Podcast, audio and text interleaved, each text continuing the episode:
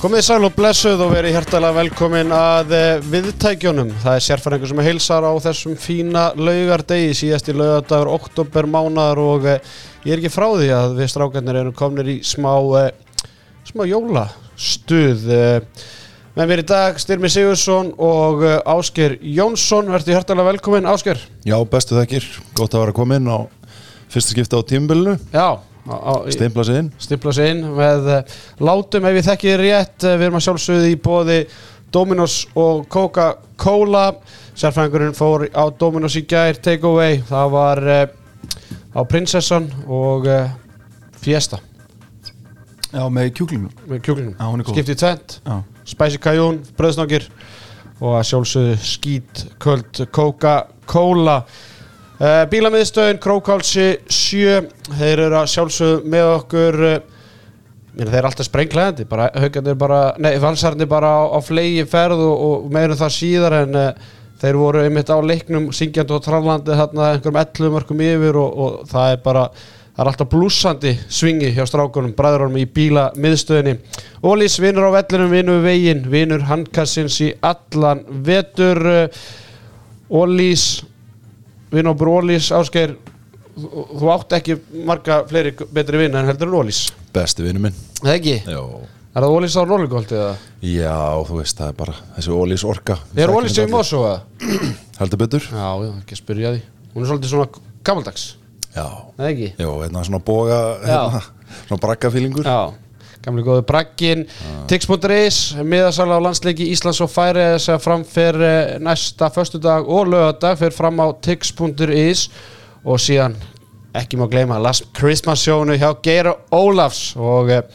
ég er búin að vera inn á tix.is í, í, bara með, í kvíðakasti síðustu daga, það er ekkert eðlilega mikið úrval á, á jólatónleikum og eins og ég sagði, við strákunir erum komin í smá jólastuð og, og þá fer maður á kíkjur á tix.is og eh, finnur þessa helstu fitnessport að sjálfsögum með okkur Ásgeir. Ég ætla ekki að segja að þú sért svona nautabörðum í dag, þú er nú búin að skafa svolítið að þess sem þú varst að spila en það er eitthvað sem segir mér að þú hafi verið fastagestur og svafur í fitnessport á sínum tíma? Jú, maður nú svona alltaf duglegur að huga að, að, þessum þáttum. Og hérna maður svo sem er alveg ennþá? En í dag, já, já. það er kannski ekki svo með efnunum? Nei, kannski aðeins minna af, af hérna, prótini aðeins, aðeins minna svona, sem þarf að halda við en, en hérna, ég er, ég, ég er nota samt mikið hérna? Já, Freyðitöflurnar? freyðitöflurnar Já. Nota þau mikið og, og svo hérna, kreatín líka það er svona síðustu ári er að koma fram meira og meira rannsóknum um, um hérna, ágæti kreatíns þar að segja áhrif á miklu fleiri þætti heldur en það hefur kannski verið nota eh, til hérna, einhverjar vassbindingar í, í, hérna, í vöðvaaukningu. Það eru svona alls konar jákað áhrif á aðra þætti líka starfseminni heila starfsemi og, og, og annað. Þannig að ekki veitur af fyrir handbóltamenn að aðeins að auka já, uppi? Algjörlega, ég menna það það var nú ekki mikið þannig að þegar þú varst að spila? Það Nei, ég meina ég mæli með til dæmis að þeir, sem, þeir markmenn sem hafa orðið fyrir höfuhögum og svona, ég er ekki að segja þetta sé eitthvað töfra lausn en, en það er ímislegt sem bendir til þess að kreatín geti hjálpað við að koma tilbaka eftir þannig meðsli sem dæmi. Það er spurning hvort að saga sem er opið á lögatum Ég, ég geti þurft að fara og tjekka á þessu. Herðu strákar, eh, heil umferð, það er ekki oft sem við lendum í því að við förum yfir heila umferð í einum þætti en eh, sem Petur fer fáum við þann eh, heiður að tala um heila umferð í dag, áttunda umferðin, síðasta umferðin fyrir landsleikjapásu, þannig að kemur smá pása núna, ekkert ígjálöng, þetta eru tvær vikur eða, eða svo. Og við ætlum að byrja á botslagnum á Selfossi. Selfoss stjarnan áttust við fyrir austan fjall í gær og við heyrðum í hrannari Guðmundsinni þjálfara stjörnunar en eh, til að gera langarsögu stutta þá unnu stjarnan fjögur að marka sigur 30-26 eftir að hafa leitt í háleik 17-12 heyrum hvað hrannar hafði að segja. Hrannar til lukku með sigurinn á Selfoss í gær segðu hlustundum hvað skóp þennan sigur Já, takk hjá fyrir það. Þetta, hérna, ég held að við höfum lagt grunninn á þessum sigri bara frá fyrstu mínútu. Við komumst þannig í, í 6 eða 7 eða 6-1 minni með frekar en 7-1 hann í byrjun og náðum svo bara að halda þetta út. Uh, við vorum með frábæra vörn í fyrir áleik og hérna sóknarleikurinn gekk mjög smurt og já, við bara náðum að halda þetta í gegn. Við vissum að það kemur alveg áhlöp frá selfisíkum og það kom og hérna og já, þannig ég er bara hrikalega ánægð með hann að segur. vörnum var flott, hotnamennir okkar eru mjög flottir og já, bara liðsigur, mikið liðseldi í þessum sigri og við brotnum ekki. Mm uh, bara hvernig fóstu inn í hann leik þannig að tvö lið svona særð eftir slagt gengi upp að tíðanbils já, fóstu inn í hann leik bara sem eitthvað algjörn ústendaleik eða eða hvernig settur þetta upp og, og hvernig fannst þér undirbúið fyrir þetta selfhóðslið sem var botni dildara fyrir uppfyrirna Sko, ég fór náttúrulega í, í hausnum á mér var þetta úslitaleikur. Bara, þú veist, ég ætla ekki að tala í kringu það. En ég fór ekki þannig inn í hópin að tala um að þetta væri úslitaleikur. Þetta væri bara nætti leikur og við ætlum okkur tvö stík. Uh, Selfos hefur alveg verið að bæta leiksi núna og það hafa náttúrulega verið gríðalega óhefnum með meðsli og hafa verið að fá menn inn og ég er alveg með hörku lið. Þannig að við bara, við bara heldum okkar dampi og vorum ríkala ofanaði með eftirleikin að hafa ekki klárað þann sigur og ætluðum bara vorum, veist, voru staðurannir í að koma inn í þennan leik og ná að landa þau með punktum Akkurat og, svona og, þið, og þið gerðu það eh, svona bara eh, rétt í, í lokin áður fyrir að tala um annað bara hvernig svona finnst þér hafa gengið eftir að þú komst inn í þetta hérna, eftir að þú tókst við af Patrik Jónisinni bara nokkuð vel sko. Ég hérna, já já fyrsti leikinu mútið afturöldingu og val afturölding það var svona jú þeir voru bara sterkari við en það var alveg móment þar sem við hefum getað komist inn í leikin í lokin og náða að jafna. Þau fengur svo að færi ef ekki þrjú í þeim leik. Valdi var bara sterkari en við og veist, þeir áttu bara segurinn skilið. Og já, svo hefði bara viljað að vinna eftir en ég er bara svona nokkuð ánæður með byrjunina. Við erum bara halda áfram sko. Mér finnst, ég er alveg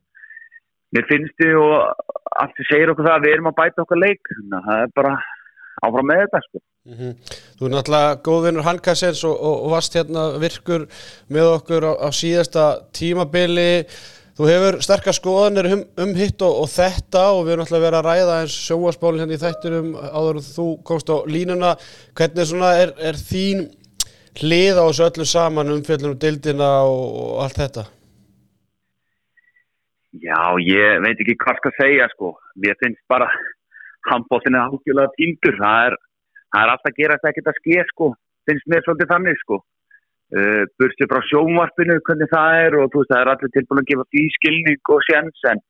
nú eru bara liðnir uh, tveir mánuðir og þú veist við erum bara finnst við svolítið langt á eftir og um fjöldunum deildina með þið handkastin alltaf gera mjög flotta hluti handbóttu.is þú veist það er alltaf bara einn maður og Ívar Ben er bara geggjaður og gerur allt sitt bara upp á tíu en ég veit ekki með NBL hvort að þeir átt að koma inn í þetta eða hvað þú veist. Ég, maður sér valla beina lýsingar á netinu nema frá vísi finnst mér. Þannig að mér finnst það alveg ég held við þurfum bara að gefa, gera betur á flestum sviðum. Það er bara og, og fara að spýti í lóana sko. Akkurat, finnur þau fyrir því einhvern veginn svona innan leikmannhópsins að, leikmennir er annarkvort að pæli þessu eða þetta fyrir töðunar á þeim eða, eða tekur ekkert eftir því? Nei, svo sem ekki er mjög leikmannafólki það er bara þessi almenni handbótt áhuga maður sem bara finnur enga umfjöldun um leikina. Það er alveg það sem maður finnur mest fyrir það fólk er bara hérna maður fær síntölu eftir leiki að segja bara hvernig fór leikurinn var, við fundum ekki neina umfjöldan það er alveg það er að versta Akkurat. Þannig að Já, ég veit ekki, við þurfum að gefa verulega mikið í. Þetta er, þetta er mjög ábúndavand og deildin er frábær, við erum að fá stórstjórnur heim, dvíli sterk lið á toppnum í dag, og deildin fer frábælega á stað, það er bara, bara markastlega og umfjöllunarlega, þú veist, þá það er bara, þú veist, fara úr fyrsta og upp í fyrsta gýr og það þarf að gerast, það þarf að gerast bara ekki setna strax, sko. Já, þakkum hrannari fyrir þetta aðtiklisverta þegar hann fyrir að tala um uh, áhugana deildinni og umfjöldan og við ræðum það kannski setna á eftir en uh, ásker, ég menna hrannar getur bara verið ánaður með sitt lið, þessa byrjuna og leiknum og síðan hvernig þeir svara á, uh, álöpi selfinstinga í leiknum? Já, algjörlega og hérna það er svona verið störa stígandi í, í leikstjórnuna sem er, er gott fyrir garbaðinga og og hérna svona, svo sem eðlert að takir hannar eitthvað smá tíma að koma svona sínum sínu tötsi á liðið en, en náttúrulega selfisk að byrja alveg hörmulega í þessum leik og það er eitthvað sem er hóla sem er nárunnuleika að grafa sér grafa sér eitthvað neginn upp úr. En með að við, þú veist, framistuðu eina Sverris, Sverris sonar og, og hérna allir að vera að koma tilbaka og þeir eru svona þeir eru samt held ég að þetta aðeins ræðirnar, þannig að hérna, þetta er eitthvað sem selfinsika verða líka að byggja og það er að segja setni hluti þessa leiks. Já, algjörlega og sem segi, þú veist, þeir eru fannar að gefa liðunum smá leiki, þetta er ekki orðið bara svona hvað, hvað voru þau eftir fimmum fyrir, voru ekki að tapa meðaltali með áttamörkum eða eitthvað svo leiðis ja, rúmlega það. Já, hann að, þú veist, þetta er orðið að, að, aðeins meira leikir og eins og hann áskil kemur inn á í byrjuleik sko, bara þeir voru að fá þessi leiktafir fyrir að vera ekki svona sækja marki, skilur, veist þeir eru ekki svona hugmyndi hvað er eftir marga sendingar eftir er í einhverjum klippingum þegar boltin er dendur að þeim en ná síðan um í lók fyrir byrjun setni að vinna sínu leikinu og eru komið þannig í eitt mark. Og þá hendir stjarnan í 7 og 6 sem einhvern veginn byggir aftur upp þetta 4 og 5 marka forskot. Og ég verðilega bara að segja það að mér finnst stjarnan eða vera það liðið í dildinni sem er að leysa 7 og 6 hvað best með tandráðna miðin og liðin eru bara í þvíliku bastli með að hérna, stoppa þetta. Og það sem að mér finnst alveg aðteklislega við þetta 7 og 6 sem gammal markmaður sem er mikið að höfu högum og þarf að fá með kreatín. Að stjarnan er einhvern veginn aldrei að fá á sig mark yfir, yfir allan völlinni í baki þeir ná alltaf skiptingunni meðan þeir eru að klára á hérna,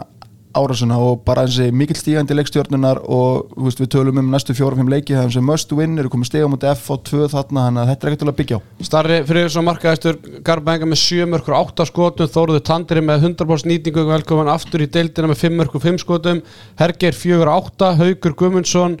ungur og spennandi vinstur hotnamæður uppalinn í Móselsbæna með 4 mörgur 5 skotum litli bróður þjálfarans. Og Tandri og Pétur Átni með 3 mörgur aðrir minna. Markværslan Adam kemur inn þarna með fjóra bolta 44% Siggi Danáðis er ekki alveg á stryk Alexander Hafkelsson bara náðu ekki að klukka bolta var uh, með 0-10 í selvfórsmarkinu og, og Rasimas 11 var það bolta hjá Selvfísingum Einar Sverjesson markaðistur, langmarkaðistur með 8 mörg. Það vekur aðteglistrákar að Sölvi Svavason, hann er mættur aftur í, í lið Selvfísinga, hann alltaf svo leikmaður sem hætti bara þremtuðu fyrir mót og bara mikið áfall fyrir selfisinga í, í, í þeirri stöðu sem þeir hafa verið í þarna fyrir réttur í mót, ekkert rosalega vel mannaður hann er komin aftur í áttundu umfyrðuna spilaði hellingi fyrir áleika en, en sem hann hafi meðist þarna í byrjun setnaháleik svo datta hans út og, og bara fyrir ykkur hlustandur að þá höfum við aðeins rættu um það að selfisingarnir voru að leiðin að ná í Gundi Spilpuks leikmanns harðar frá því fyrra, hann var farin út að spila og og sangat heimildu hankarsins þá var hann búin að semja við Selfos en verður fyrir meðslum í loka leiknum sínum Erlendis og, og brítur á sér hendina skils mér og, og hérna dettur út og, og síðan eru margir sem velta fyrir sig hver er Raki Jó og sangat okkar heimildum þá er Raki Jó bara að glíma við meðsli og hann verður bara ekkit með selfinsingum ég menn ekkit fyrir árum út Okay. þannig að eh, gríðarlega jákvæmt fyrir Selfisík að fá sölva en auðvitað vond að hann skulle meiðast bara strax upp á setnahálegs þegar þeir eru svona að vinna sér inn í þetta en, en hræðilega fréttir ég minna að það er greinilegt að Selfisíkarnir er að reyna og reyna og reyna og vita hversu erfiðri stöður eru þeir eru búin að sækja sölva greinilega aftur og alla að þannig að þeir greinilega svona jærskeltar hinnan mælist á Selfisík Já, ég menna, selfisingar eru metnaðanfullir og þetta skiptir á ótrúlega miklu máli. Þetta er handbóltabær og, og hérna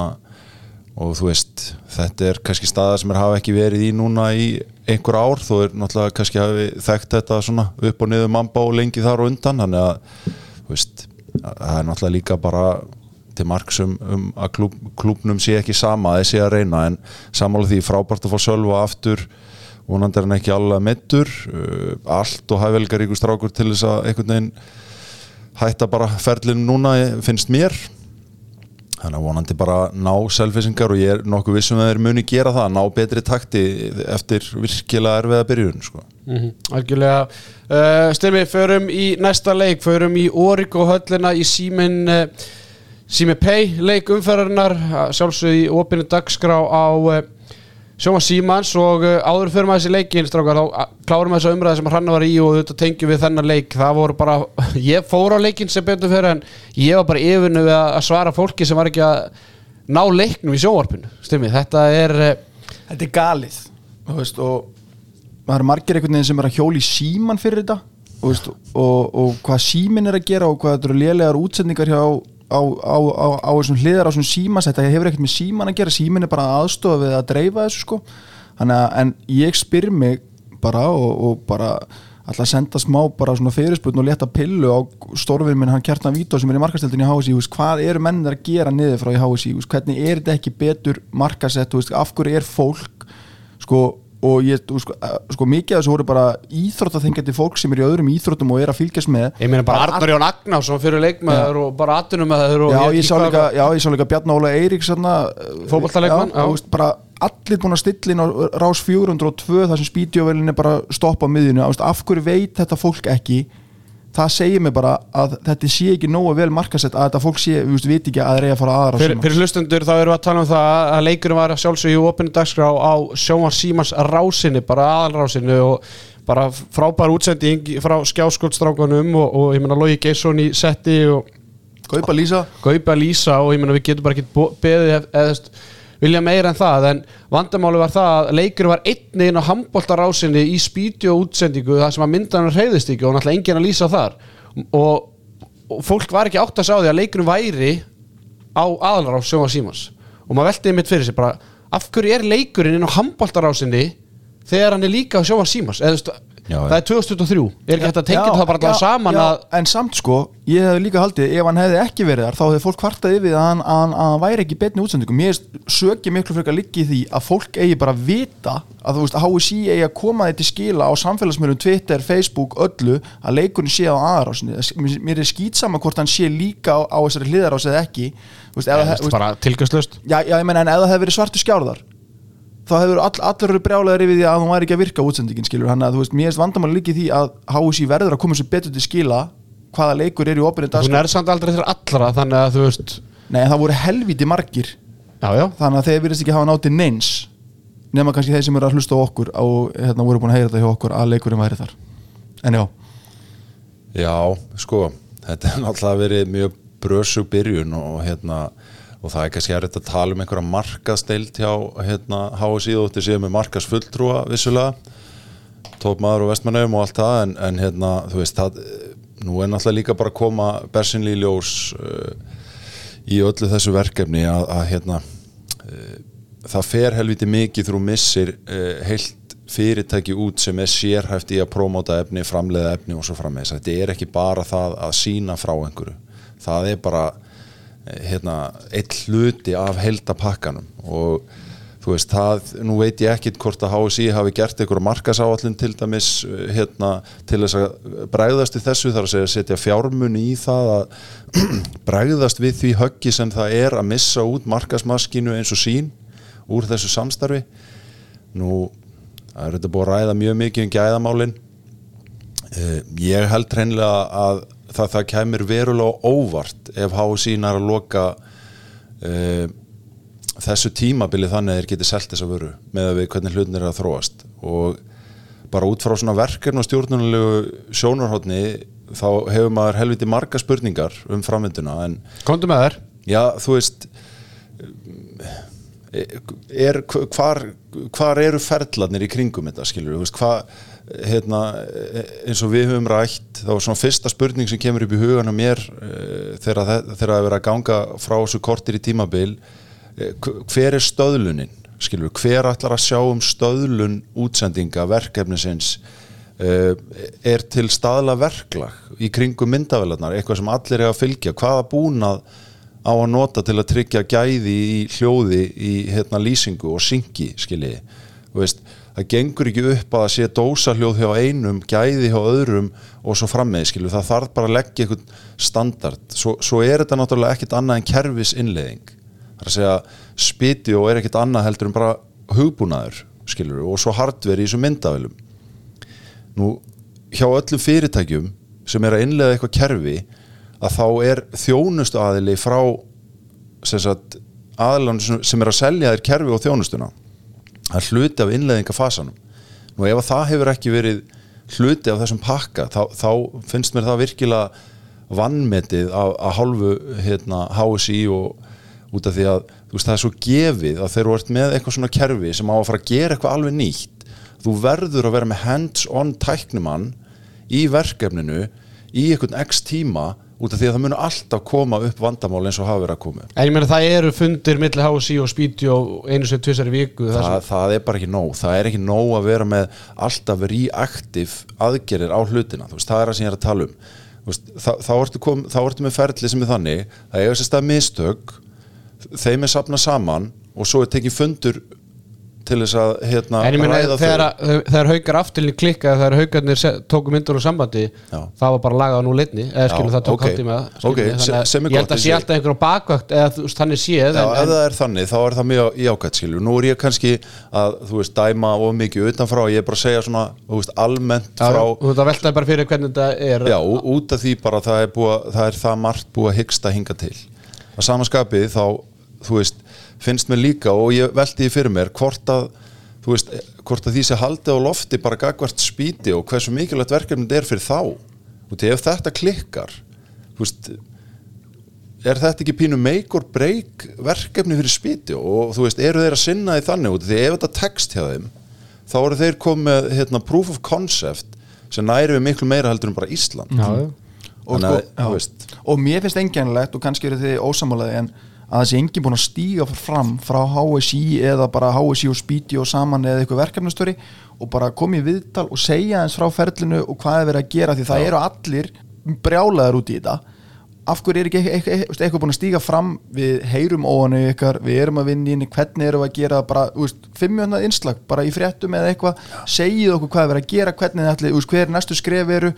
jafnvel, segið okkur að þið hafi búist við þessu og bara svona einhvern veginn, þú veist, hleypið okkur aðeins inn í þetta en ekki láta okkur alltaf vera að brjála og okkur alltaf vera að töða og vera þá alltaf í þessu reaktiv að reyna, þú veist, leysa vandamálun sem að gerðist í síðustu viku. Já, ég er alg- algjörlega samanlega því og ég meina, ég ætla bara að viðkjöna það ég sá korki F og IBF nýja Selfos stjarnan í gæðir af því að ég er að horfa horfa gegnum Apple TV og það er bara ef ég kveiki á, á leiknum í gegnum sjóma Símans appið að þá bara get ég hort í þrjá segundur og svo bara frísmyndin mm saman hvort ég eyði appinu, hvort ég slekk og kveiki og bla bla. Og ég, ég ætla bara að viðkjöna það.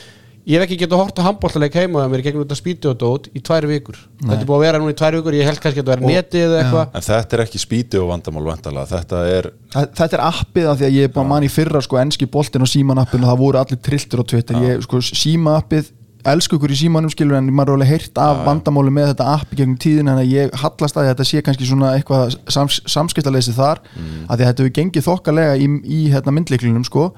þegar að þú veist, út, útsendingin er í lægi þá er hún fín en það er alltaf eitthvað eitt í hverju einustu útsendingu þú veist, hún er först á miðjunni fyrstu fimm mínútunar hljóðið er lélegt skilur það, þú veist, það, veist, það, ég hef ekki ennþá séð gallalausa útsendingu og mér bara þætti ógeðslega væntum það því ég veit að strákunir nýri hási er að hlusta að einhver verkefnastjóri eða eitthvað sem er með þetta á, sinni konu stýi bara fram og bara segi fólkinu í landinu aðeins hvað er að gerast og hvað þeir eru að gera og hvernig þeir sjá næstu skrif verða. Algjörlega, en Simi Pay, þeir eru með okkur styrmur Já, heldur betur maður og bara takk fyrir það. Hérna, maður langar að segja hérna, fólkinu frá því að hérna, með sími pay léttkortinu það er ekkit árgjald. Sko, áður en ég fekk, fekk mér þetta kort ég ætla ekki að segja hvaða kort ég var með en ég var að borga örgulega 60 skall í árgjald fyrir mig og konuna. Og það svíður alveg. Þannig að á þessum síðust og vestu tímum þá getur fólk stjórnaði að það er en, raun ekkert árgjald á kortinu en svo getur að fengja sér ímis fríðindi sem að borga fyrir sérstaklega. Þannig að þú veist, ef þú vilt auka vildamúntasöfnuna þína, fá ferðatryggingu eða svoleiðis, þá getur þú keft það aukalega en fyrir þá sem vilja bara basic kreditkort þar sem þeir geta stjórnaði hvað er greið inn á það þá er ekkert árgjald á því. Þannig að ég, mæl, ég get ekki mælt náðu mikið með þessu. Menna 60 skallir hellis peningu sem maður getur sparað sér. Heldur betur uh, Valur Haukar fór, fra, fór fram í Origo höllin í beinu útsendingu og sjó á Símas eins og ég nefndi áðan. Uh, Lokatölu 31-25 fyrir Val uh, eftir að hafa verið 17-13 yfir í háleiki Ég skellti mér á uh, á leikin og bara til að segja ykkur það hlustendur lokatölundar gefa alls ekki rétta mynd af gangi leiksins. Haukarnir skoruðu síðustu 5 mörkin í leiknum voru valsarnir voru konur 11 mörkum yfir. Ísa Gustafsson gjössarlega frábær í liði vals var með 8 mörkur, 8 skotum uh, bara til að fara eins yfir breyttur í valu við Markov drætti þetta en það voru 5 örfendi leikmenn sem komu, til, komu við sögu í leiknum. Þar voru þrýr hægri hotnamenn sem spilu í, í fyrirháleik þannig að Óskar, Óskar Bjarni þjálfari vals er náttúrulega bara að þetta er eins og bara á skiptistöð, bara á hlem hérna bekkurinn hjá honum og, og síðan alltaf Björgur Pál Gjössanlega rosalur í markinu með 70 varða bolta 45% markvöðslu og uh, hann svona tók bara einhvern veginn síðustu víktönundar úr leikmönnum hauka, skotnýtingu hauka var, léleg sóknarleikur var hörmung. Bara, þú veist, þeir, þeir komast ekkert áleiðis. Og auðvitað var vörn hérna, valsara bara frábær með Alexander og, og Tjörfa þarna í, þristunum með Aron Dæ í þristunum með Alexander Pettersson í, í bakgörunum og Robert Aron alltaf komin á, á flug það má ekki gleyma því strákar að valsarnir er að rótbursta hauka áns síns langbesta sóknum hans Magnús Óli Magnússonar sem að var ekki hauk, nei vals í þessum leik. Þannig að þessi úslit þetta er smá svona statement eftir tap vals á móti íbjöða fyrir síðustum umferð að gjössalega flengja Áskjör Örn og og félag í, í haugunum ég verða að viðkjanna það þetta komið svol- svolítið á óvart Áskjör Já, það var svo margt sem hérna sem held að, held að haukar getur verið mjög súri með, eh, með sjálfa sig eftir á. Ég meina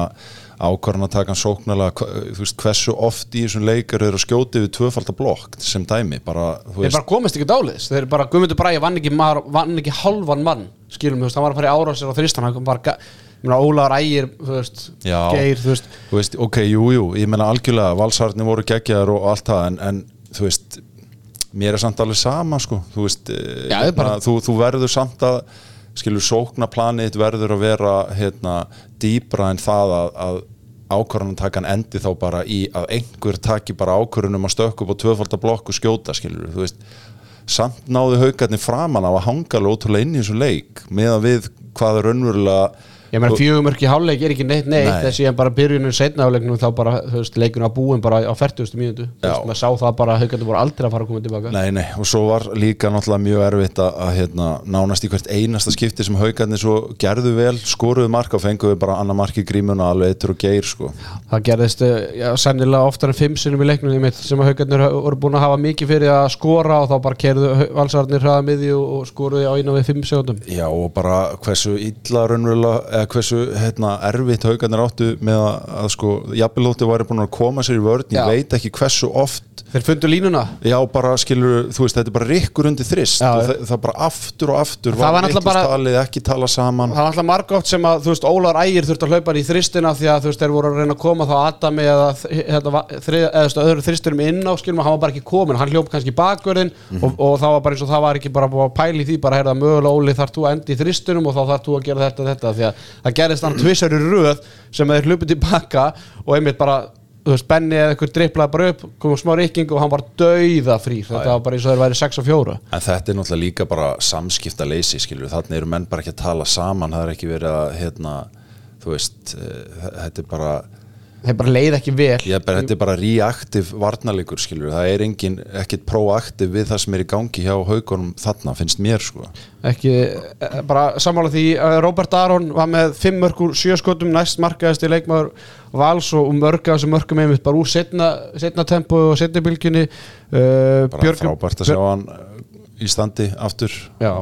Tásanlegu leikmaður. Ekki spurning hjá haugunum var eins og ég sagði að skotnýtingin ekki góð. Guðmundur Bræði með 7 mörgur 16 skotum og Ólaður Ægir 5 mörgur 11 skotum. Maður svona veltiði fyrir sér stimmi því að horfa hann leika að því að eins og ég segi, ég er nú ekki bara því miður ekki geta hort á nægilega marga leiki bara síðustu dag og vikur og sá til dæmis ekki hvernig haugættur unnu afturhildingu en ég veltiði fyrir mér þegar eftir hann leik bara hvernig unnu haugættur afturhildingu Þeir náttúrulega fengu afturhendingu á frábærum tíma þeir fáðu á milli Evrópuverkefna sem að ég held bara fókusin og við sáum það náttúrulega bara í leiknum á móti hérna, en fá líka val á frábæru tíma því að val var að spila með dýpa á sunnudegi Já, en ég kom inn að upp, þetta ég held að þetta hafi ekkert verið frábært fyrir að fá val eftir tapleiki Nei, nei, þú veist, að valur hafi komið gjössanlega trilltir í hennar leik. Og Jú, jú, þetta eru bara skelvileg úslit fyrir hauka en þetta eru bara tvö stík sem að þeir missa út þeir eru búin að vera góðu rönni þannig að þú veist, þetta er bara mikilvægt fyrir haukamennina að hérna veist, við erum ekki að staldra kannski of lengi við hennar leik, sjá hvað þeir geta gert betur og raun og veru bara, þú veist, sapna aftur saman kröftum og, og hérna reyna að byggja upp nýtt rönn, menn það voru komið fimm í röðu ekki sem að Maxin kom og, og hérna Já, já. það er alveg við, þú veist, það, menna, við erum bara búin að sjá það í deildinni vetur, það taka flest lið í deildinni svona einu og eina svona magalendingu og það hafa bara komið á haugum þarna og þeir lendu bara móti Valur er mikið betra lið en haukar bara þeir eru betur mannaðir í nánast öll, ég held bara öllum stöðum á vellinum þannig að, þú veist, ef við hefum verið að spá inn að leiki byrjun tímabils þá hefðu við alltaf spáð auðvöldum valsýri Já, Þannig að- kannski samt ekki 11 mörg þegar það eru eftir Nei, menna, það gerast ekki bara segjur um að það er bara, það er búið að draga úr þeim alla tennurnar og þeir eru bara, þú veist, odni pínu bara, bara hættir, þeir bara finna enga lausn og þeir eru- voru bara odni dreinaðir, það var bara ekki orka eftir á tanknum, það er þurft að henda bodyfuel kassa á bekkinu þeim. Já, það, það er náttúrulega líka bara góðu punktur. Ég meina valsararnir hérna, þú veist, það er samt líka skilur þjálfræðilegt uppleg þó auðvitað séu valsararnir með breyðari hóp. Það er samt ekkert sem afsakar það fyrir hauka í einhverjum in-season game skilur núna á þessum tímapunkti að að menn séu þreyttir, skilur þó þeir verði það í leiknum Ég- ég- ég- ég er svona hættur að vera meira andlega þreyttir, Já, ég held að ég, það sammála því, skilur en þú veist, það var það er ekki bara það að hérna, þú veist, mununarliðunum var ekki bara það að Valur er með, er með hérna, breiðari hóp og allt það bara gæðin í því sem Valur var að gera Mhm. skilur veist, og gæðin í hérna, intensity varnalega, gæðin sóknalega veist, það var bara svo mikil gæða munum ég finnst það ekki bara að útskýrast á mun skiluru á leikmannalistum þessar liða, þú veist andlega voru valsararnir bara miklu miklu sterkari heldur en haukar í þessum leik. Þú veist, þráinn sem dæmi skiluru, þú veist, á þess að vera eitthvað drull yfir hann. Gerði það bara. Já, eða þú veist, framan af, ég meina, mér finnst ólíkt honum, hérna, Ísak er til dæmis að komin á miðjun og skjóta yfir hann, þú veist, bara kontaktlaust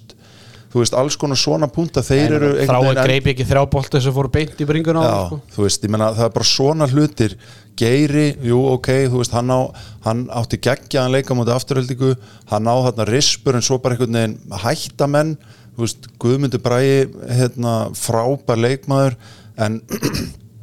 ég meina, hann hann er samaskapið, skilur gerir allt og mikið að mistökum í þessum leik hann er að kasta frá sér boltanum, hann er að hoppa upp hvað eftir annað að skjóta og tvöfaldar blokk þessar þversendingarnir í hotn hann þannig aðeins að fara að minka þær sko. Já, bara það þarf bara, þú veist, ef haugarnir er alltaf að keppa sem þeir geta sannlega gert, það er bara miklu meiri gæði í þeirra leik, ég held að þeir viti það manna best eftir þennan leik, sko.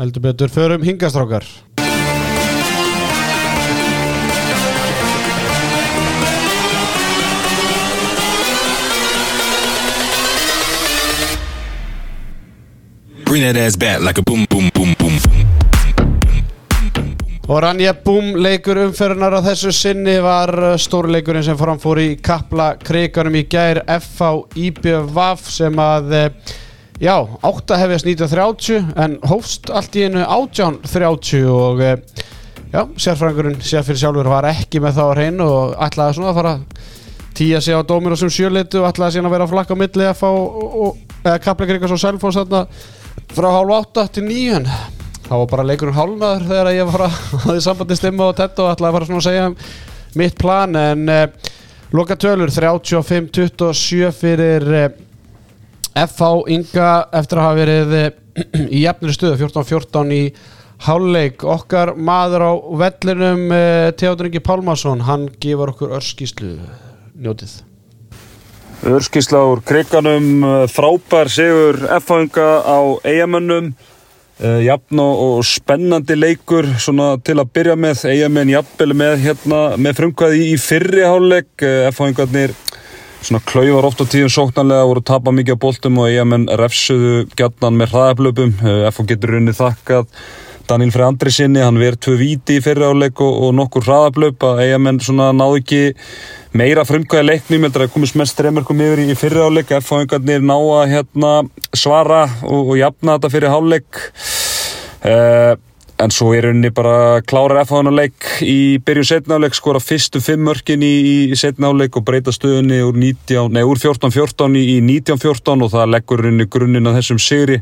Eða virkilega helstett framistu F-fáingun Daniel Flottur í markinu sem nefnda hann Jón Bjarni með fjögur mörk og fjóru skotum og frábær varnalega sem er leiðis Uh, tekur Kára Kristján eitt skipti og, og mann höndlar hann gjössanlega ég hef aldrei séð Kára Kristján fá boltan uh, með mann í bakinu og, og snúa hann ekki af sér en Jón Bjarni bara held hann um eins og litlum krakka. Það var ótrúlegt atvik. Uh, en maður sem að færi fyrirsagninnar Aron Pálmarsson stórkostlegur í þessu leik. Byrjaði svona byrjaði að hekta mörguleiti eh, skora tvö mörg svona komið tvö mörg hann um miðjan fyrir áleikin eitthvað svoleiðis fær svo sína aðra brott í sunn um miðjan áleikin svona bara pyrringsbrott eiginlega þá svona hafði maður áhugjur á honum en svo einhvern veginn er eins og hann hafi, ég veit ekki, vaknað það mögulega, finnur mótjóð sitt algjörlega og hérna tekur bara ekki ranga ákvörðun eftir það svona síðustu 45 minútur leiksins enda með nýjumörku tíu skotum og, og hérna fjölmarkar sendingar og Jón Bjarnar til að mynda. Þannig að heilt yfir frábær sigur F-fáinga og eigamenn, já, margir leikmenn þar sem áttu dabrandag, ég held að það sé helst Sigtryggur Dæði sem getur gengið þokkalega svona brattur eftir hennar leikin aðrir slagir. Herðu Ponsa þakka fyrir sig, vonandi var, var þetta ekki á langt og, og Guð bless ykkur öll. Guð bless ykkur öll, takka fyrir það Ponsi minn, Ásker, er eitthvað við þessu að, að bæta? Nei, ég held að Teddy hafi bara hérna hitt naglan og höfuð með þetta Aron náttúrulega var síndi ótrúlega gæði þarna löngu köflum í þessu leik uh, þú veist, skotin sem hann að taka þarna sum eru bara já, afsakið orðbræði reynasta klám sko, þegar hann er á einhvern veginn sína að hann sé að skjóta upp í fjær og vinkonu í nær og og markmenninir hjá hérna, IBF voru einhvern veginn eðilega bara ekki nálagt sko. Svo bara í setni háleik þá sóknarlega þá gefa IBF alveg svakalega eftir uh, hérna veist fara einhvern veginn, já þetta virkilega úr sínu rytma, er að reyna svona ótíma bara línusendingar, náttúrulega línuspilir rosa mikilvæg hluti þeirra leik en þeirra að taka þessar ákvarðanir og snemma, kannski bara eftir eina árás og F-fáingarnir bara sópu boltan auðvitað og tundri hraðablöp veist, hérna Daniel kemur inn á með þrjú skot einhvern veginn, þetta er allt einhvern veginn þú veist, á þriðja skrefi í kontakt, slög, skot, óþarfi þannig að þú veist, já, ég menna F-fáingarnir voru virkilega beittir í setna álega en, en IBF sömulegis bara einhvern veginn þeir mistu alveg trúna þeirra leið á. Já og hérna ég, ég geti mögulega verið kannski verið með skýringu á því að hverju eigamenn mistu bara dampin í þessu að hérna það var einhver hitti fyrir leik skilst okkur að við fengum allan að senda. Eigamenn sem vildu fá að fresta þessum leik sem var ekki fært í landegarhöfnana þau þurftu að fara í þólásöfnuna sem eru örgulega önnu skýring okkur honum að flýta á hans að við vissum að því sko en F-fangarnir þeir voru ekki til í það þannig að ég veit að ég, ég heyrði það að Magnús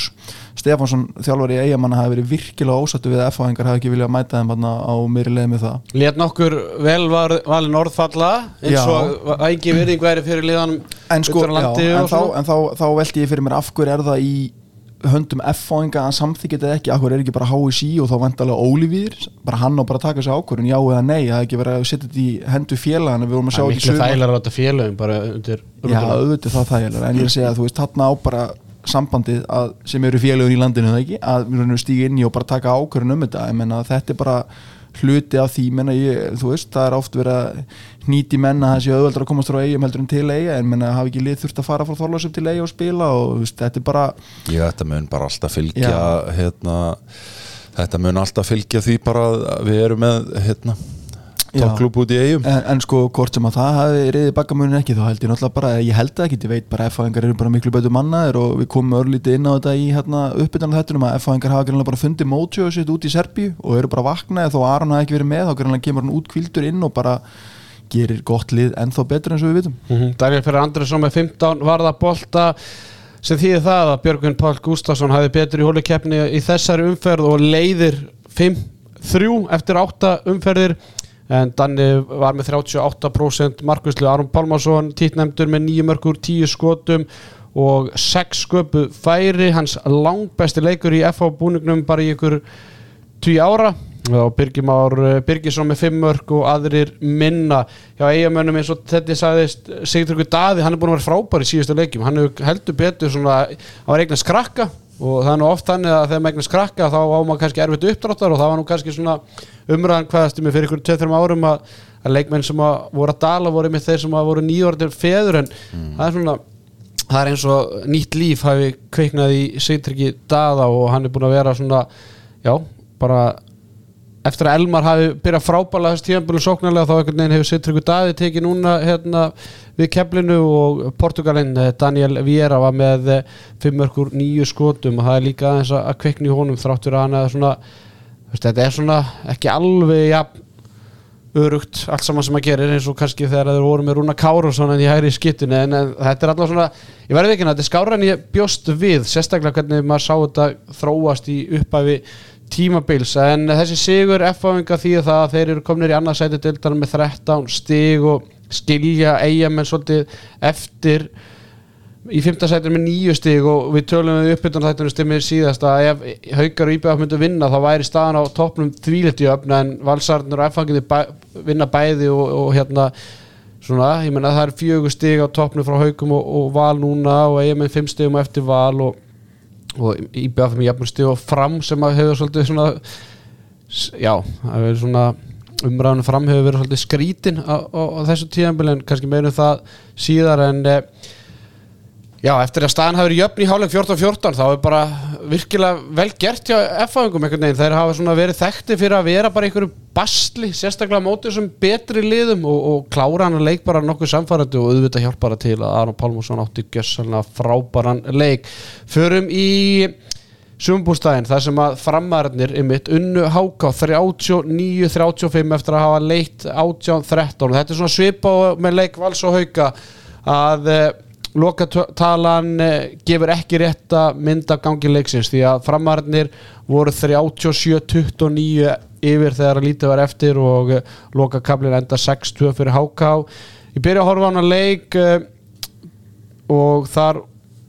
komast framarnir í 5-0 eftir 7 mínútur þegar Basti tekur leikli og á þeim tímabóti þá held ég sé ekki að ljúa þá var Háka ekki búið að eiga skot á markið, það er að segja sem hitt á markið. Þetta voru tapaði boltar, endrast á töfum boltum og síðan skot fram hjá markinu, á sama tíma voru framarnir með að klika töfum döðaförum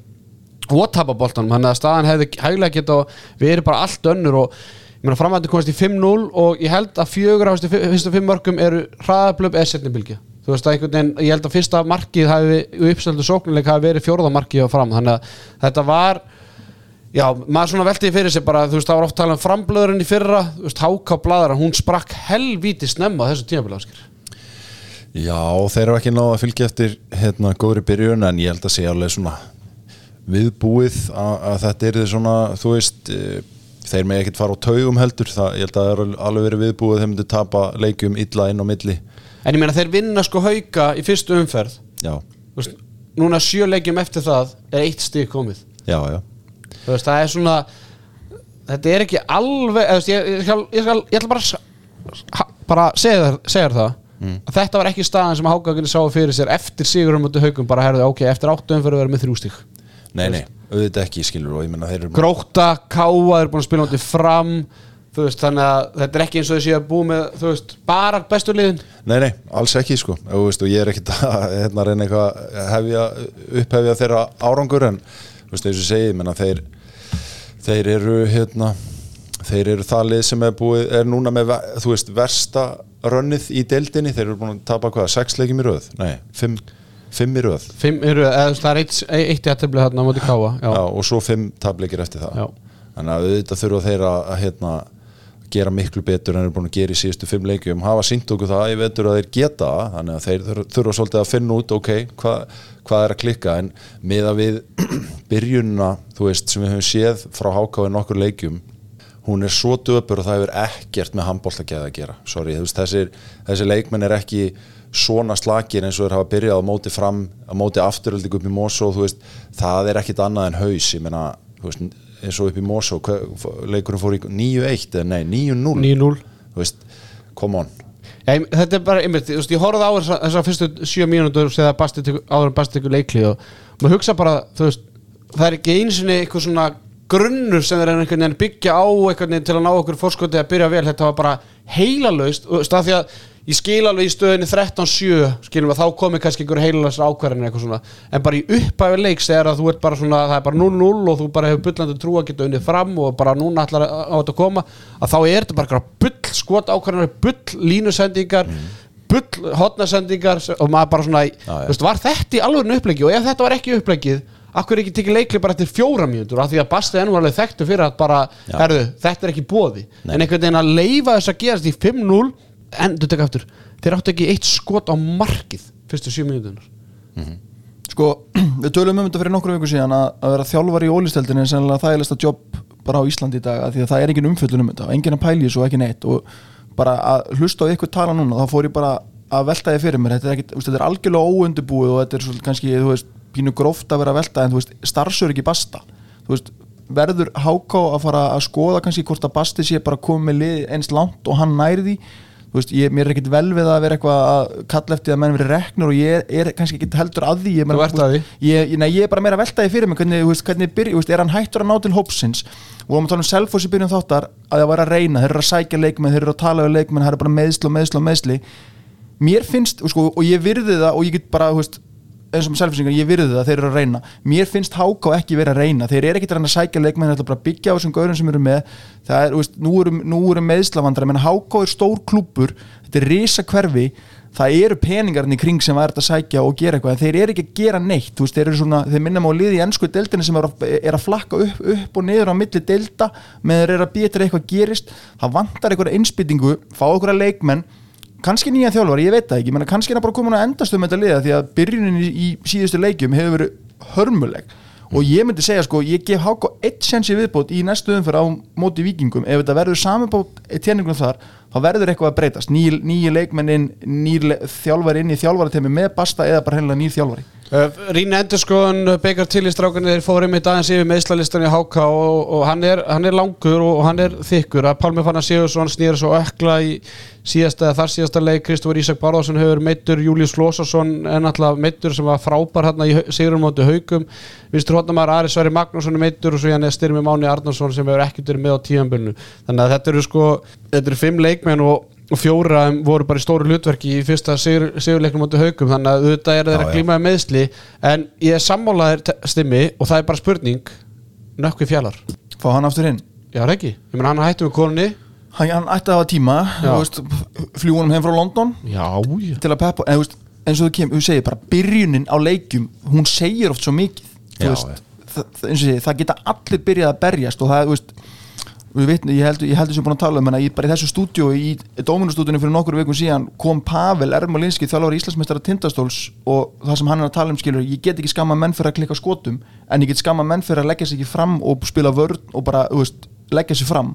Og þegar þú lendir 9-0 undir 5-0 undir og hefði getað lend 8-0 undir ekki veist, þá, þá ert ekki að leggja þig fram. Sko, ok, hérna förum við lúka þessar umræðu en við langar bara einhvern veginn að- minna hlustendur og minna ykkur á það að Háka var það lið sem allavega þegar ég var í deildinni þetta, það var viðbjóður að mæta þessu liði skilum við, þeir voru bara þeir voru að djöflast eins og ljón og maður var bara smá smeyku bara, heyrðu, við hverjum að búast og verða með hotna á sér að munum spúar eldi í leiknum einhvern veginn, það var alltaf eitthvað nýtt, skilum við, það var bara þetta var helvíti óþægilegt og hvað það í COVID-inu þegar leikinu voru stundum 2-3 frestar þannig að maður var undirbúið að liða sitt í þrjár viku fyrir að mæta háká en ok, þeir vinna hauka í fyrstu umfyrir sem er já. tapa sér á múti gróttu í, í annar umfyrir með einu marki. Helviti svekkjandi. Gera sér hann jættra múti káa á heimavelli leikur sem er eiga bara að geta unnið með að hvernig káa, ok, jættefli allt í lagi, herru, í þriðju umfyrinni skítapa nei, hér í fjórðumfyrinni skítapa múti afturlíku 36-23, lendi ykkur í 9-0 undir. Fara í móti val særdýr, tapa með 14 mörgum 20-34, ok, tökuðu lið. Fara svo á eh, fara svo í krigan allt í lagi leikur, allt í lagi. Tapa með tveimur, 24-22 þetta var nú aldrei í hættu þó þeir hafi ná, náð svona aðeins að kýtla F-fæðungana fara svo á Selfoss. Nei, fá, fá, fá Selfisik í heimsókn stigalösa Selfisika tapa með fjórum, 20-24 fara svo í sumbúrstæðin og móti fram sem er svona allt í ekki gott lenda 5-0 undir. Þannig að þú veist, ef maður svona dregur þess átta leiki þá er þetta svona kannski þrýr kannski helmingur leikina það sem er svona ok, þetta er háka elementið þeir eru búin að vera hérna, skilum mig. Fjóra leikina hafi bara verið ógeðslega lélir bara ógeðslega lélir og, og það er eitthvað fleiri leikir sem eru ógeðslega lélir núna þessum átta heldur en öllum 22 fyrir tveimur ánum síðan. Það sem að þeir voru bara náðu ekki mörg stig en voru ógeðslega oft nálætt í bara einhvern veginn og voru að gefa liðum leik og allt þetta að Já, ég sammála því, það droppið er, er meira núna í, í hérna, slökuleikjunum hjá þeim heldur en það var þá einhver hluta vegna. Framvarnir áskip bara rétt í lokin bara samfarið sigur, vel gert og, og hérna mótstaðan kannski ekkert mikil. Áttaleiki búnir, nýju stig hvernig metur þú svona framarana og ef þú bara, af því að þetta er fyrsta sem þú kemur yngað, þú veist, bara frá því að þeir sæna Rúna Kárasson frá því 28. oktober Já, ég, ég held að bara ég met framarana bara þannig að þeir eru eftir að styrkjast eh, og styrkjast með hverjum leiknum ég finnst bara mjög eðlilegt að þeir séu í öðrum rithma með uh, faktist sé allt annað lið þannig skilur heldur en þeir voru með fyrra þannig að ég held að þú veist ég, það er svona mín tilfinning annars er, hef ég virkilega gaman að að sjá hvað hérna Tryggvi Garðar heldur áfram að þroskast sem leikmaður er mikið að hérna, búa til færi fyrir, fyrir hérna, leysfélaga sinna líka gefa línu og svo frammeðist það er hérna, þú veist, fyrir skittu þá er það svona, svona þú veist, fattar þú pjúra svona fallbissu skittu, þá er það oft eitthvað sem kemur kannski aðeins setna þannig að það er jákvæmt að sjá hann taka þessi skref snemma á ferlinu Akkurat, Vonandi heldur hann áfram byggjum á það. Akkurat. Uh, Við hefum tvo leiki eftir og uh, tíminn er naumur þannig að við ætlum að fara bara beint í, í Moselsbæin þar sem að afturlíkunnu 5 marka sigur á gróttu 30-25 eftir að hafa verið hlustið, undir með einu marki 13-12 í hálfleik. Uh, Stimmi, þú varst með þennan leik á þínum 75 tómum í, í sjónvarpunni í Garðabænum á á Arnarnesinu uh, hvað var að gerast í, í fyrraháleik og, og hvað gerir svo í setnaháleik, Stimmi?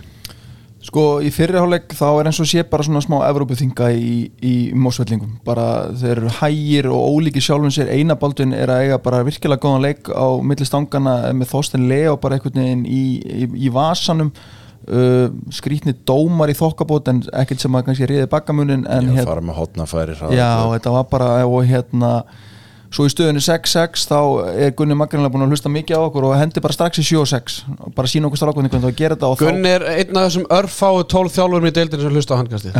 Hann, hann hérna, hend, hendir í 7 og 6 og, og það var ekki gott. Þeir, þá fara þær úr stöðunni 6-6 í 11-6 sem grótt að skora held í fjögur mörk yfir allan völlin og bara einhvern veginn. En það sem ég tek út úr þessu það er að í fyrra og hitt í fyrra þá hefði ég sé afturhendingu brotna í þessari stöðu en það var ekkert panik. Það var bara að þeir komu eitt mark í einu heldur sínu leika áfram, hættur undir í 7 og 6 og fór aftur bara í 6 og 6 og hægt og rólega mölluð inn í þetta komið sínu í eitt mark fyrir háluleik og svo í setna háluleik var þetta bara aldrei spurning. Eina baltun dettu niður og bara siglu sér heim. Já, sko, það, hérna, grótan, þeir voru bara segir, sko, og hérna, og eru svona þeir eru Úr stöðunni 6-6 verður staðan 6-11 Gróta kemst í 11-6 Já. og þú ert að tala um stimmi sko að, að einhvern veginn að í fyrra múti eftirlíku brotna. Ég meina þú veist, afturlíka er náttúrulega bara þrefalt betra en gróttulíð þannig einhvern veginn, það hafa efna á því einhvern veginn að, að lenda fimmörkum undir því miður. Já, samt sko, ég, já, já, ég, þú veist, auðvitað er afturlíka leiði betra en, en gróttan getur samt líka alveg pínu naga sig að handabökin finnst mér út því að, veist, afturlíking var samt líka alveg bara virkilega að bjóða þeim upp í dansaðni setna áleik, ég menna átni bræði klúra þarna víti og hraðuplöpi uh, afturlíking með þessi mann út af. Gróta fær tvísvar hann í setna áleik uh, þú veist, eru þeir í yfirtölu að taka, veist, skot í skrefinu í yfirtölu, eh, reyna einhverja langa sendingur og hægri skitt og hann í vinstra hotn þannig að þeir, þeir geta líka virkilega held ég verið súrir með að hafa ekki spila betur á ákveðnum mómentum, svo að því sögðu þá bara, þú veist, þegar þetta klikkaði þá bara svona gaf afturölding í og klára þetta á loka kaplanum það var hérna eitt móment sem að ég held að hafa verið helviti þungt fyrir grótuna þá var hérna staðan held í 16-18 búin að standa geðveika vörn alveg bara örugglega í einu hálfa tvær mínútur. Aukakast. Gunni sendi Þorstein inn á hendin uppi bara þú veist jafnfættis upphopp og bara fættis þú veist þetta vopn þú veist, geta bara hent, hann, hent honum inn á er enginn að fara að blokkera þetta. Það var svona pínu mér fannst það að vera líkil punktur hérna líkil moment í leiknum. Þá fór afturöld ekki þrjú mörg og svona svolítið sildið þessu eftir það. En hvað stemmi, hvað er leiklisnappurinn? Herru, ég tók eftir að hafa farin Það, hérna, þeir, þeir eru svona aðeins að prófa sig áfram í Mosó og hérna búin að afvopna steppa. Já, þeir eru búin að taka öll völd að steppa með að bara fjalla þetta og þeir eru komin bara í, í gamla góða hérna e, græna spjaldið aftur hann að mér fannst að heldur fyndi þetta er svona fyrsta sem ég tók eftir hérna í útsendingunni. Byrju, hvað er leikleisnafur? En virkilega góð sigur hjá Mósvellingum þarna á móti gróttinu og uh, afturlingi í þriðja sæti deildara með 11 stiga meðan grótta er í níunda sæti með 6 stig, jafnmörg stig og vikingarnir uh, Fyrir mér loka leikin þar sem að vikingar uh, tókum átti Káa, særðir Káa menn eftir erfiðar vikur mættu í Sava Mýrina og unnu nokkuð þægilegan sigur 27-24 eftir að hafa verið 14-11 yfir í hálfleik uh, Já, þetta var svona nokkuð þægileg ferð söður hjá Káa þar sem að Einar Ingi Einar Eðsson var markaðast með 6 mörg og 8 Varik var með 5 mörg uh, Markvæslan hefur oft verið betri hjá Káa Normaðurinn var með 6 varða bolta 31% og Bruno með 21% markvæslu þannig að það var ekki eins og Markvæslan hafi verið að hjálpa þeim en markvæslan hjá Víkingum hins var langt í frá að vera góð og Sverri Andriðsson var ekki með Víkingum í þessu leik, Daniel Andri Valtísson með 22% markvæslu Jóhann Reyni var markaðistur Víkinga var, byrjaði frábælega, enda með 7 mörgur 13 skotum, reynda með 7 tapaða bolta. En ég held að hann hafi verið með fyrstu fjögur mörkin af, af 5 hjá Víkingum í þessu leik. Uh, Haldur Ingi Óskarsson uh, já, svona besti leikmaður í ruslmínundum í, í deildinni, hann er alltaf með ykkur þrjú fjögur mörk á, á loka mínundunum þegar að leiknum er basically í loki en það þarf líka að skora á, á ruslmínundunum og, og hann gerir það bara vel. Uh, Stefán Skeving var með 5 mörk úr 7 skotum og aðrir minna. Bara velgert hjá Káa að klára hann leik. Það er hafa ekkert öllið farið í samirinn og unnið vikingarna en þeir gerða bara nokkuð vel. Ég menn eftir tapamóti grótt í síðast umferð þá hefur þetta ekkert verið þægilega leiku fyrir Káa menn að fara í en, en þeir gerða bara svona samfærandi áskjör Já, og svona líka bara, þú veist þeir svo sem voru svona leið alltaf með nokkur mörgum en, en svo hérna uh, þegar eru hvað ekkur þrjár fjóra mínútur eftir þá steppi skefing hérna niður í tvö mörg og þú veist þetta gataleg farið í eitthvað hérna eitthvað trillið hann í restina en, en, en þeir ná bara að sigla þessu svo öruglega heim í kjölfarað því. Þannig að hérna þú veist, já bara em, algjörlega mjög mikilvæg stig fyrir Káa Fúlt fyrir vikingarna stimmi að markvæslan skulle gera meiri í svona leiki menn þetta endar þreja mörgum og heilda markvæslan hjá vikingum átta varði boltar. Uh, ég meina, þú veist við erum marg ofta rætt og rættir að síðast að þetta þú varst að tala um markvæslun að þú ert með lið sem er í fallbáratu og ef þú fer bara yfir lið sem er í, í fallbáratunu að þá bara eru vikingarnir, þeir eru eftir á. Hvað það var þar ég meina þráttur sko, ég meina að því að það segir sjálft að þegar vikingarnir hafa unnið þá hafa Danni eða Sværi verið frábærir. Mhm. og kannski svona það sem ég er meira ágjör að vera að veist, ég er ekkert með eitthvað mörg nöfn á lista sem ég geta sótt skilu það þeir er ekki bara að sækja ég meina þeir eru með þrjá markmenn Nei, ég er að segja því að bara það eru veist, allir, veist, við erum ekkert með mikið markmann að marka hérna á Ísla, Íslandi núna til að sækja í, þetta eru mikið ungum og efnilegum strákum að koma upp, þannig að það er ekkert mikið um kannski, þó ef að vikingum myndi vilja sækja, þá er ekkert um auðvangar að gresja þar Nei, nei, ég meina þegar þeir komu upp síðast og sóttur Jón Kukubat, ég meina það var ekki nægilega mikið af því að þá var bara munurinn á, á nýlegunum og hinum bara meiri skilur mig, en það er svona fúlt núna einhvern veginn að hvort að þetta munir í það bakka munin, en minna ásker stigasöfnum vikinga á þessu tímabili við höfum náttúrulega marg, marg oft rætt það en ágætt að fá bara nýja rattir 6 stigi eftir 8 leiki og það er vikingur háká í næstu umferð. Já, það þeir geta komist í 8 stigi og vera þá 5 stigum undir háká Já, já, algjörlega, það er hérna, vingar hafa, þú veist, eins og kannski þessi svona lið sem að uh, fyrirfram e,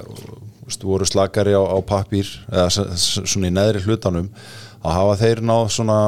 inn á milli að gýra sig í alveg geggjaða leiki en auðvitað náttúrulega líka ne, hérna, inn á milli falli niður og það er alveg eðlilegt en,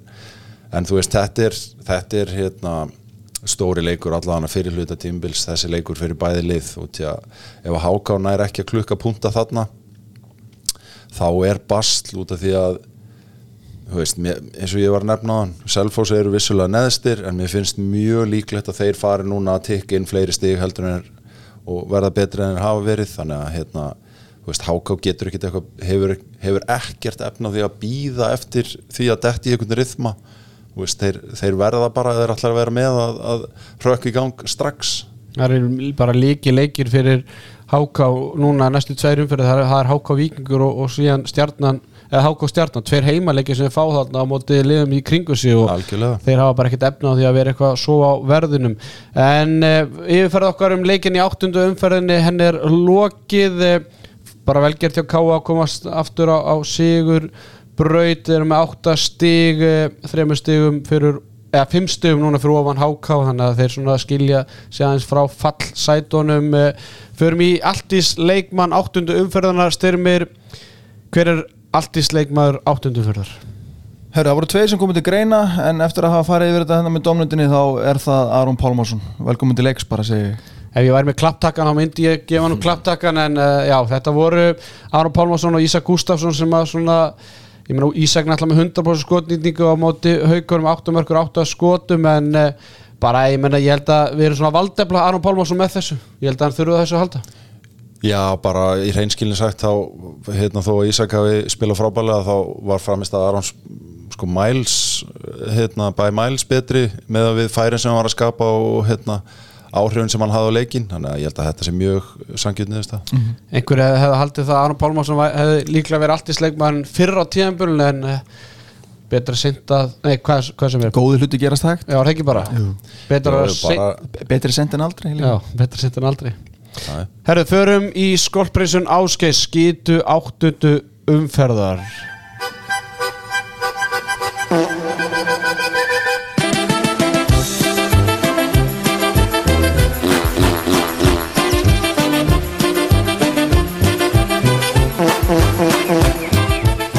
Já, skolprinsun Ásgeis hefur staðið vaktina með handkastun í allan vetur og nú fer senna að líða á jólum og eh, fólk fer á alls konar jólahlaðbor þannig að þá getur oft verið vesen heima fyrir. Þannig að eh, við hvetjum hlustundur að sjálfsögðu að nýta sér skolprinsun Ásgeis Eh, Ég held að þetta kom ekkert mörgum óvart. Ég eiginlega bara tilkynnti þetta bara strax í, í leik vals og hauka. Skýta umferðinni áttundu umferðin alltaf bara, já ég við bara bara sóknarleikur hauka. Bara sóknarleikur hauka var gjössalega hörmung og uh, ég held að uh, það verður svolítið mikil yfirna hjá skorprinsan Áskjörs næstu daga. En gríðarlega mikilvægt fyrir haukan að fá einmitt bræðuna til sín því að það er náttúrulega derbi slagur Já. El Clasico í næstu umferð og ég meni þetta er bara, ég held að Ásker Örn sé hlægjandi núna heima þessu bara guðslegandi fegin að fá skorprinsan heim til sín. Já, og þeir líka fá tvær vikur í verkefni sko. Já, ekki veitur af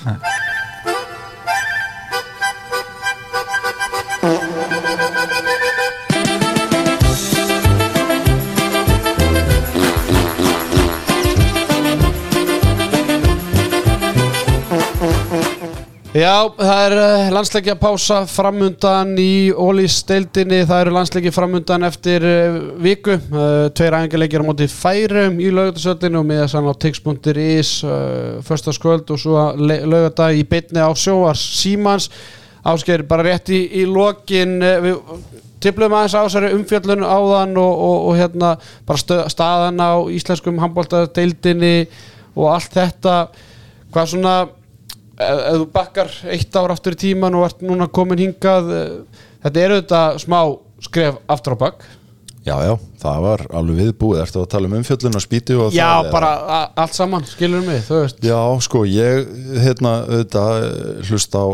alla þætti handkassins og, allt það og ég er, þú veist, og hérna, auðvitað skilur er eðlilegt að þessi umræða fara að staða þegar svona margir leikmenn detta út og allt þetta.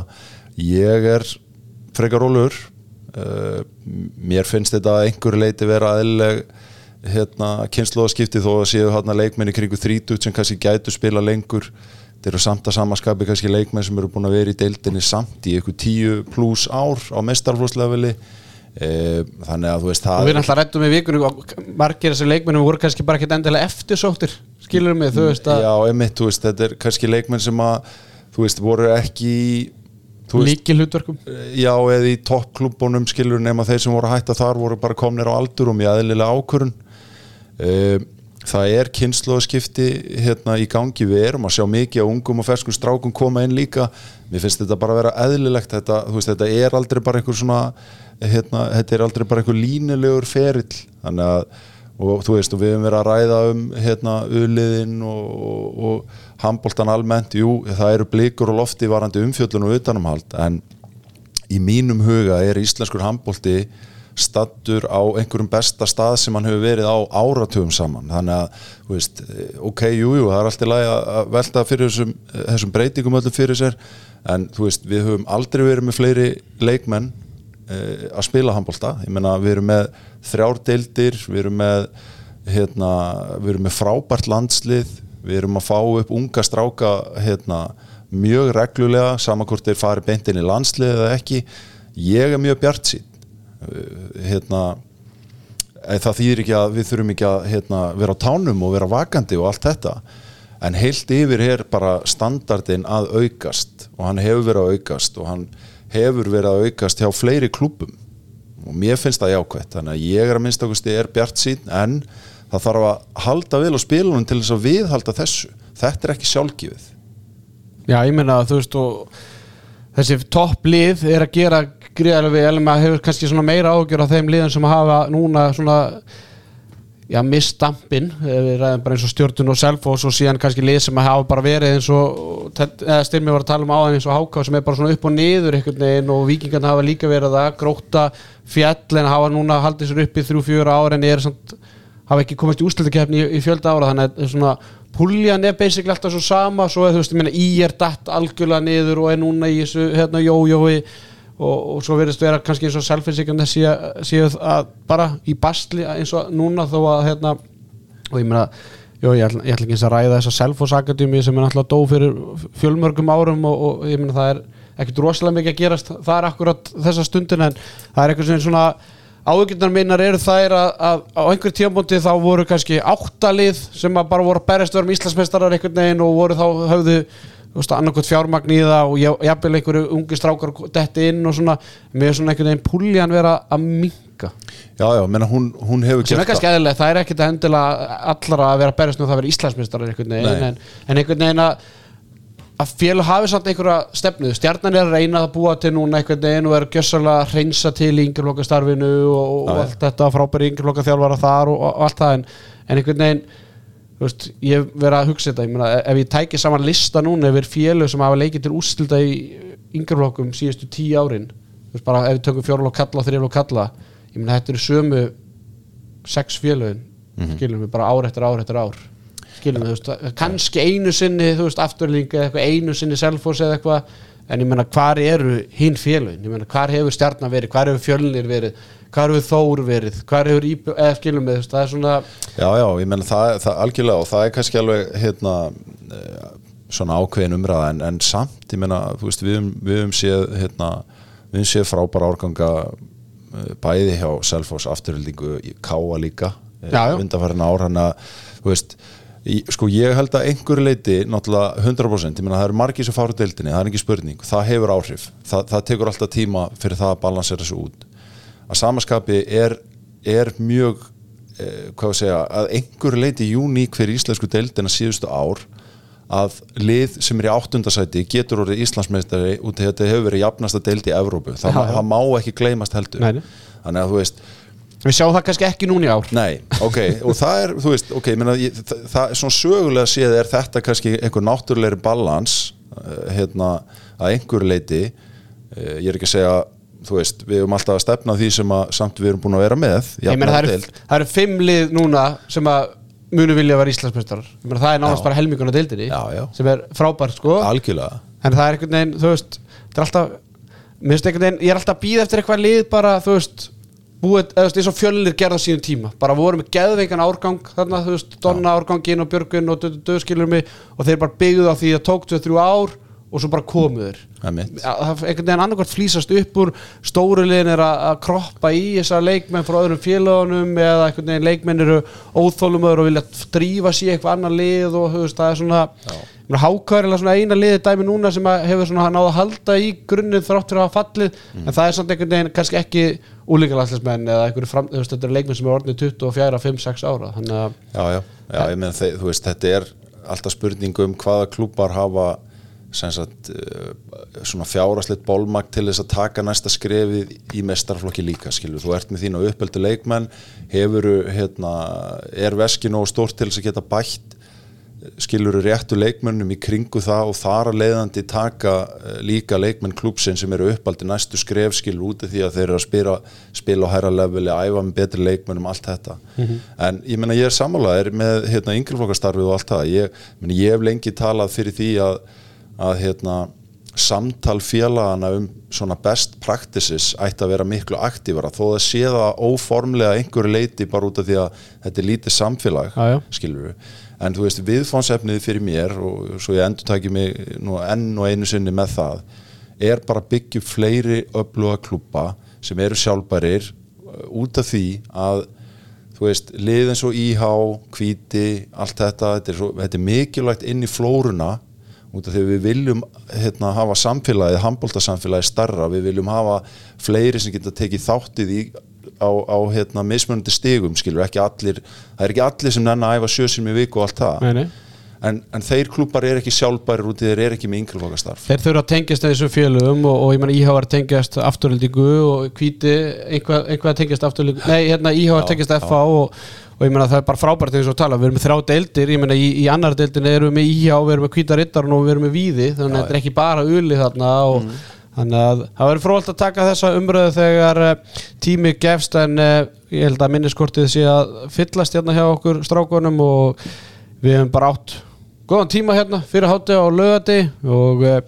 við erum klöku til að sjá íslenska landsliðandi stjórn Snorra Steins. Algjörlega. Eftir viku þá verður Snorra Steins búin að stýra sínu fyrsta landsleik í lögatastöldinu móti mjög spennandi liði færingum þannig að við hvetjum hlustendur bara til að annarkvort að drífa sig á völlin eða horfa á eða í sjónvarpi Símans. Styrmir, Sigursson, Ásker Jónsson takk ég alveg að vera komin og uh, eigið indislega viku Takk fyrir sem leðis takk fyrir